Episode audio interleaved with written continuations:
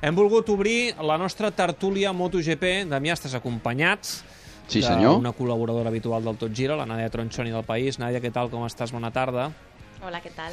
I avui també m'acompanya, em fa molta il·lusió poder-lo saludar, aquí a l'estudi, no és aquí amb vosaltres a Misano, una persona que ha estat la veu de l'asfalt durant molts anys a Univers MotoGP, eh, amb nosaltres. Després de fer un petit parèntesi, torna i demà tornarà a ser la nostra veu de l'asfalt, el nostre analista, Lluís Costa. Què Com tal? estàs? Benvingut de nou a aquesta casa. Moltes gràcies. Fa Què molta tal? il·lusió tornar-te a tenir amb nosaltres. Demà tornes a ser el nostre analista pel que queda de temporada i el que faci falta, però jo crec que avui també, ja que fèiem tertúlia amb la Nàdia i amb el Damià, valia la pena doncs, tenir-te aquí que, que ens il·luminessis també una mica. Jo encantat de seguir amb vosaltres, a la meva casa. No, hauràs, no, no mi. hauràs tornat una mica rovellat, espero. No, no, no. Gràcies a Déu, el que és innat ho és sempre, amb tot. Molt bé, a veure, mm, començo per la imatge una mica impactant de- de- d'aquesta setmana a Misano. Uh, Nàdia, començo per tu, que no sé si tu ho has vist o no, aquest cap de porc eh, al box, a l'Hospitality d'Onda, uh, diguem-ne, a casa, a la porta de casa de, de Marc Márquez. Què et sembla tot plegat? Jo l'he vist com el Damià, a la foto que, que, que hem vist tots. I, i a més coneixem el fotògraf i ens refiem de que estava allà i, i, i que és real. Però bé, aquest matí quan hem arribat a esmorzar l'hem buscat i evidentment algú, algú l'havia tret d'allà ja. M'ha fet Jo la no sensació que el, donaria- el Damià deia, no sé si estàs d'acord, veig que ja pel que anaves a dir també, que, Sí. que no n'hi ha per tant, eh? que no hi ha tanta tensió. Que, què passa, que això és a Trezzo, de Rossi i companyia? Bueno, una, eh, en primer lloc, això no ho ha posat el Rossi. Entenem que ho haurà posat algun aficionat de Rossi, no? Perquè és, entre els dos pilots és eh, on hi ha més animadversió no? de, de tot el paddock, uh, però, però no l'ha posat ell. Llavors, la tensió crec entre ells dos crec que l'hem de mesurar per les coses que passen entre, entre ells dos. Per exemple, per l'escena que vam veure dijous a la, a la sala de premsa, que, que jo crec que ahir tensió sí que hi ha. L'altra, l'altra imatge, uh, per mi és anecdòtica, a més em faria patir si això hagués aparegut a dintre del paddock però és que això ho ha col·locat algú que no té ni accés al paddock, que no s'ha colat a dintre i no, i, i no genera cap perill ni a mi em suposa ni una amenaça ni una violència no? eh, excessiva, llavors no li donaria més importància. Sí que és cert que l'altra imatge, la de dijous, amb el Márquez oferint la mà i el Valentino de braços creuats, eh, em sembla més... Bueno, cridanera tampoc perquè ja sabem quina relació hi ha entre amb dos, però em, em sobta més, no? o em genera més, més debat. Per exemple, jo sí penso, en diferència, a diferència del Damià, que, que hi ha tensió i que si el Valentino no li va voler donar la mà, m'atreviria a dir que, és, que, que, que no va tenir temps per pensar què era el millor per ell i per la seva imatge. I que llavors es va adonar que, que havia propiciat la foto que el Marc probablement volia oferint la mà i amb ell negant-li i per això va- es va acostar al micròfon i va afegir aquest bueno, però no passa res amb, amb, entre mm. nosaltres eh? estem bé, no, no hi ha cap problema jo crec que a ell li molesta que aquest oferiment de fer les paus no sigui en privat Ja. i que es troba un moment així davant de tota la premsa internacional en una roda de premsa que està- s'està emitint en directe a tot arreu en, en aquesta situació I en una situació que no ha provocat Márquez, eh? És a dir, que no, No. pensem que això ho ha provocat Márquez perquè Márquez porta al darrere tot un, eh, tot un muntatge periodístic i li ha dit a un periodista eh, muntem això, aviam si ho aconseguim. No, no, no, no. No, perquè és estrany pensar que un periodista italià, que és d'on comença, no? eh, al, a l'arribar Márquez a Itàlia li faci aquesta pregunta en, en, bueno, en conivència amb el, amb el Marc. No? Eh, Lluís, um, això que passa entre Rossi i Márquez és bo o dolent pel Mundial? Home, pel Mundial és bo. Quan més xitxa hi hagi, més Tu, seguidors... tu ets dels i... que pensa que si hi ha marro, Sí, hi ha més a, audiència. a mi no em va semblar bé el que va fer Rossi. Uh, com tots sabreu, a mi m'agrada molt el Valentino, des de l'any 96 que va aparèixer, a mi m'agrada molt, però, però no per això sóc un hooligan i, i el defenso a mort, com molta gent ho està fent. Si ho fas una cosa malament, has, has de saber dir, no, això no, no ho has fet bé. Jo, per mi, no ho va fer bé. El que passa és que el, el, el Valentino, el Marc és diferent, el Marc és, és més nen, és més, és, bon, és més bon nano, ell el que vol és bon rotllo i a la pista és on, on ens ho diem tot. I el Rossi és més, molt més mediàtic. El Rossi, clar, estava a casa, eh, davant dels periodistes, i mm, per mi que es va equivocar, perquè li hagués donat una, la mà i, aquí doncs, eh, doncs es, es, es rebaixa les tensions. Quan va passar, malauradament, eh, fa dos anys, el de Luis Salom, es van donar la mà a Montbaló i, i era a casa del Marc, mm. i ara ha sigut a casa del Rossi. O sigui, això són, per mi, això són... Jo, jo no sé si dir... eh, No I, sé I si... va ser el Rossi qui li va anar això, a donar la mà per perquè això. havia guanyat la cursa, eh? No Sí. s'oblidem d'aquestes Ja. coses, Ja. perquè...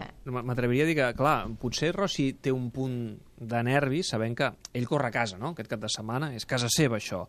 I, és clar, la Yamaha no acaba d'anar bé, no? Aquesta Yamaha, qu quan fa, Damià, que no guanya una cursa?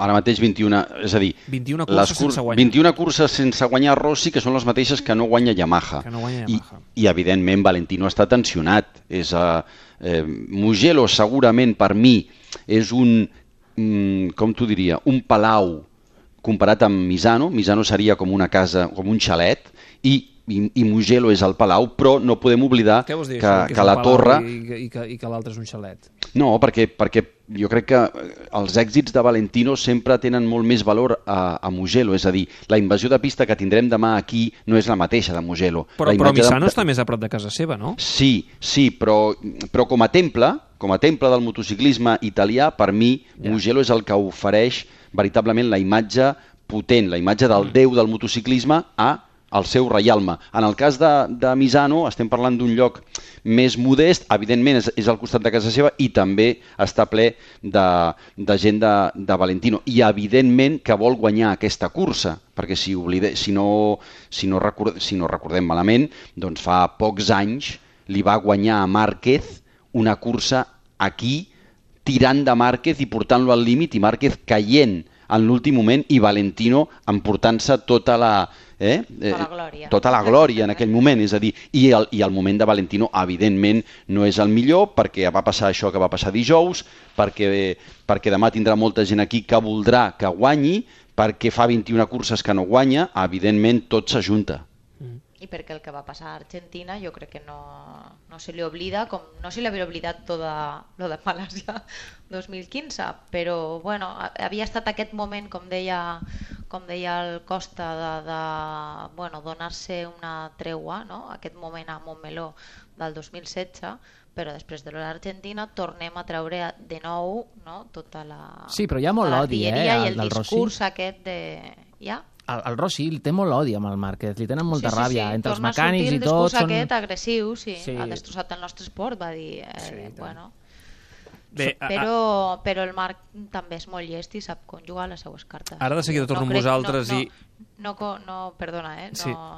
No col·laboro amb això de que és tan bon Ja. nen que no sap el que fa. Eh? Mm, Ara torno amb vosaltres, però eh, em diria que tinc ja final a Barris Nord i tenim, per tant, primer finalista, Dani, de la Lliga Catalana de Bàsquet. No hi ha hagut sorpreses perquè ha anat per davant el marcador durant tot el partit. L'Andorra serà el primer finalista d'aquesta 39a edició de la Lliga Catalana de Bàsquet. Al final ha guanyat eh, de 8 punts, 83 a 75 al Joventut. Millor, clarament, l'Andorra en aquesta primera semifinal. Ara, a partir dels 8, es jugarà la segona semifinal entre el Manresa i el Barça. Potser comença amb un pèl de retard, perquè clar, queden 8 minuts per les 8, mm, no sé si seran puntuals. Aquest Oficialment són les 8, veurem a quina hora comença, Barça, el efectivament. Barça Manresa, la segona semifinal, ja tenim a l'Andorra a la final de demà.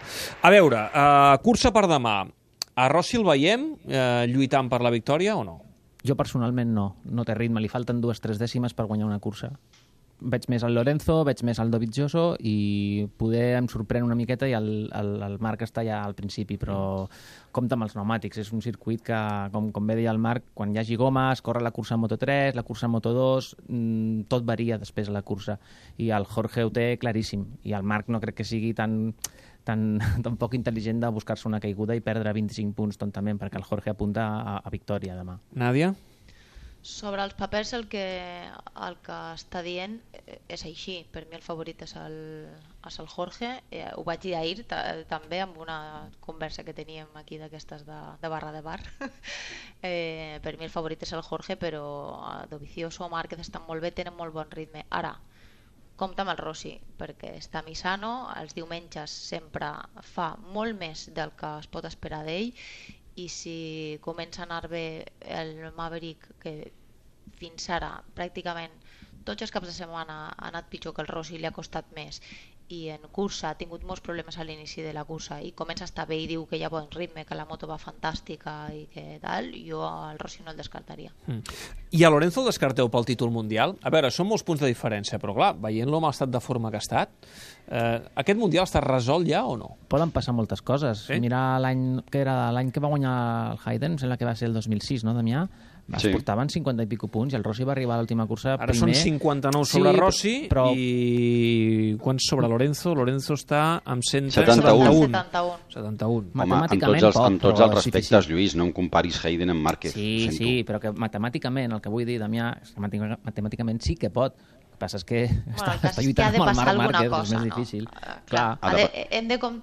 però hem de comptar que això passa també al motociclisme, però evidentment hauria de passar alguna cosa perquè el Lorenzo tingués opcions i alguna cosa amb tanta distància no és només una caiguda o una cursa en la que, en la que li passe bueno, com té un zero hauria de passar alguna més Són set perquè curses. Márquez d'aquesta Sí, sí. temporada zeros n'ha fet dos a l'Argentina i, a, i a Mugello, precisament.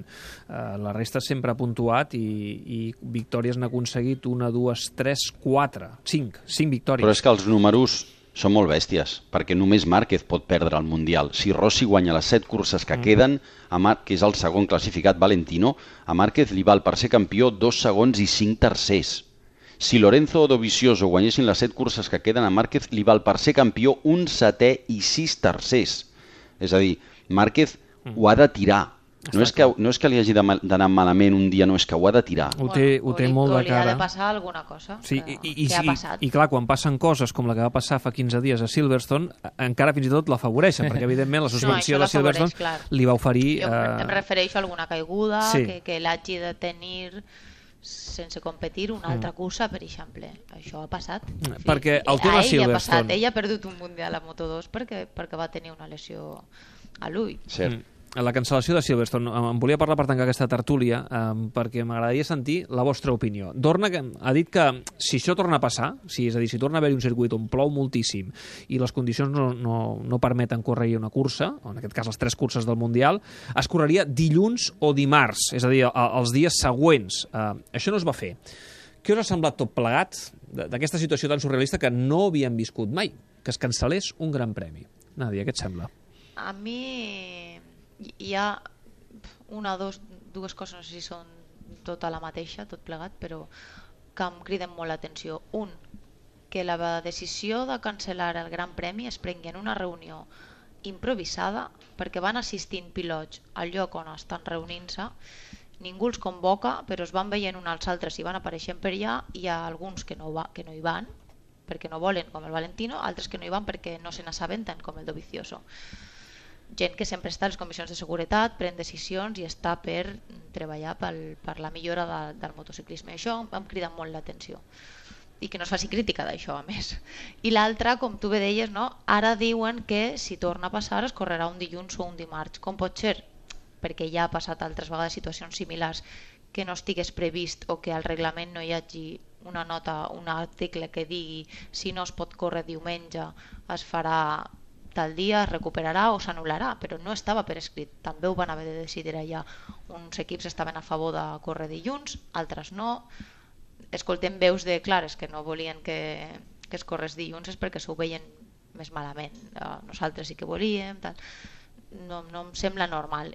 I ara espero que si ara després que s'ha dit això, això entre en el reglament i forme part de, del reglament de la FIM per a MotoGP. A, a més a més, si recordeu, David, va, va, hi ha un moment a la nostra transmissió que diem el dilluns es pot córrer, evidentment, perquè estava sobre de la taula. Nosaltres I des... estàvem a punt per fer Univers MotoGP, eh? Si hagués fet falta, perquè vam estar a punt unes quantes vegades, eh? Et No, vas, mi- et vas estalviar una cursa, una transmissió, que déu nhi Jo, eh? jo Eh, tenia Costa? moltes ganes, jo tenia moltes ganes que es corrés dilluns, perquè Sí. penso que, evidentment, no és l'espectacle. Però, eh, primer, està sobre la taula córrer dilluns. Després ens diuen que no es, pot, no es pot córrer dilluns perquè dilluns és festa i els Marshalls s'han compromès amb, una altra, amb unes altres curses. Ja sonava estrany, però resulta que vam consultar els equips mm. i no hi ha unanimitat perquè hi ha Sí. alguns equips que diuen que no volen córrer Sí. perquè hi havia testos pel mig. Clar, al final... Bé, doncs... Això no eh, és serio, la conclusió és que això no és serio. Correcte, que no és professional, correcte. No sembla això professional. Estic d'acord, perquè si no també Ja nosaltres està. a, a, la propera ens tornarem bojos, ja t'ho dic, Nàdia. Nàdia Tronchoni, eh, moltíssimes gràcies, que vagi bé la feina demà A al país, eh, amb aquest gran premi de San Marino. I Costa, demà a les 13.30 et vull puntual com un clau aquí a l'estudi, estudi 1, I tant. amb club de fans de Jorge Lorenzo, ho hem clavat, eh? Convidat a l'estudi el dia que ha fet la pole position. Demà ens ho passarem bé. Fins demà. Benvingut de nou. Gràcies, Damià. Adéu-siau. Adeu. Pausa, ara venim.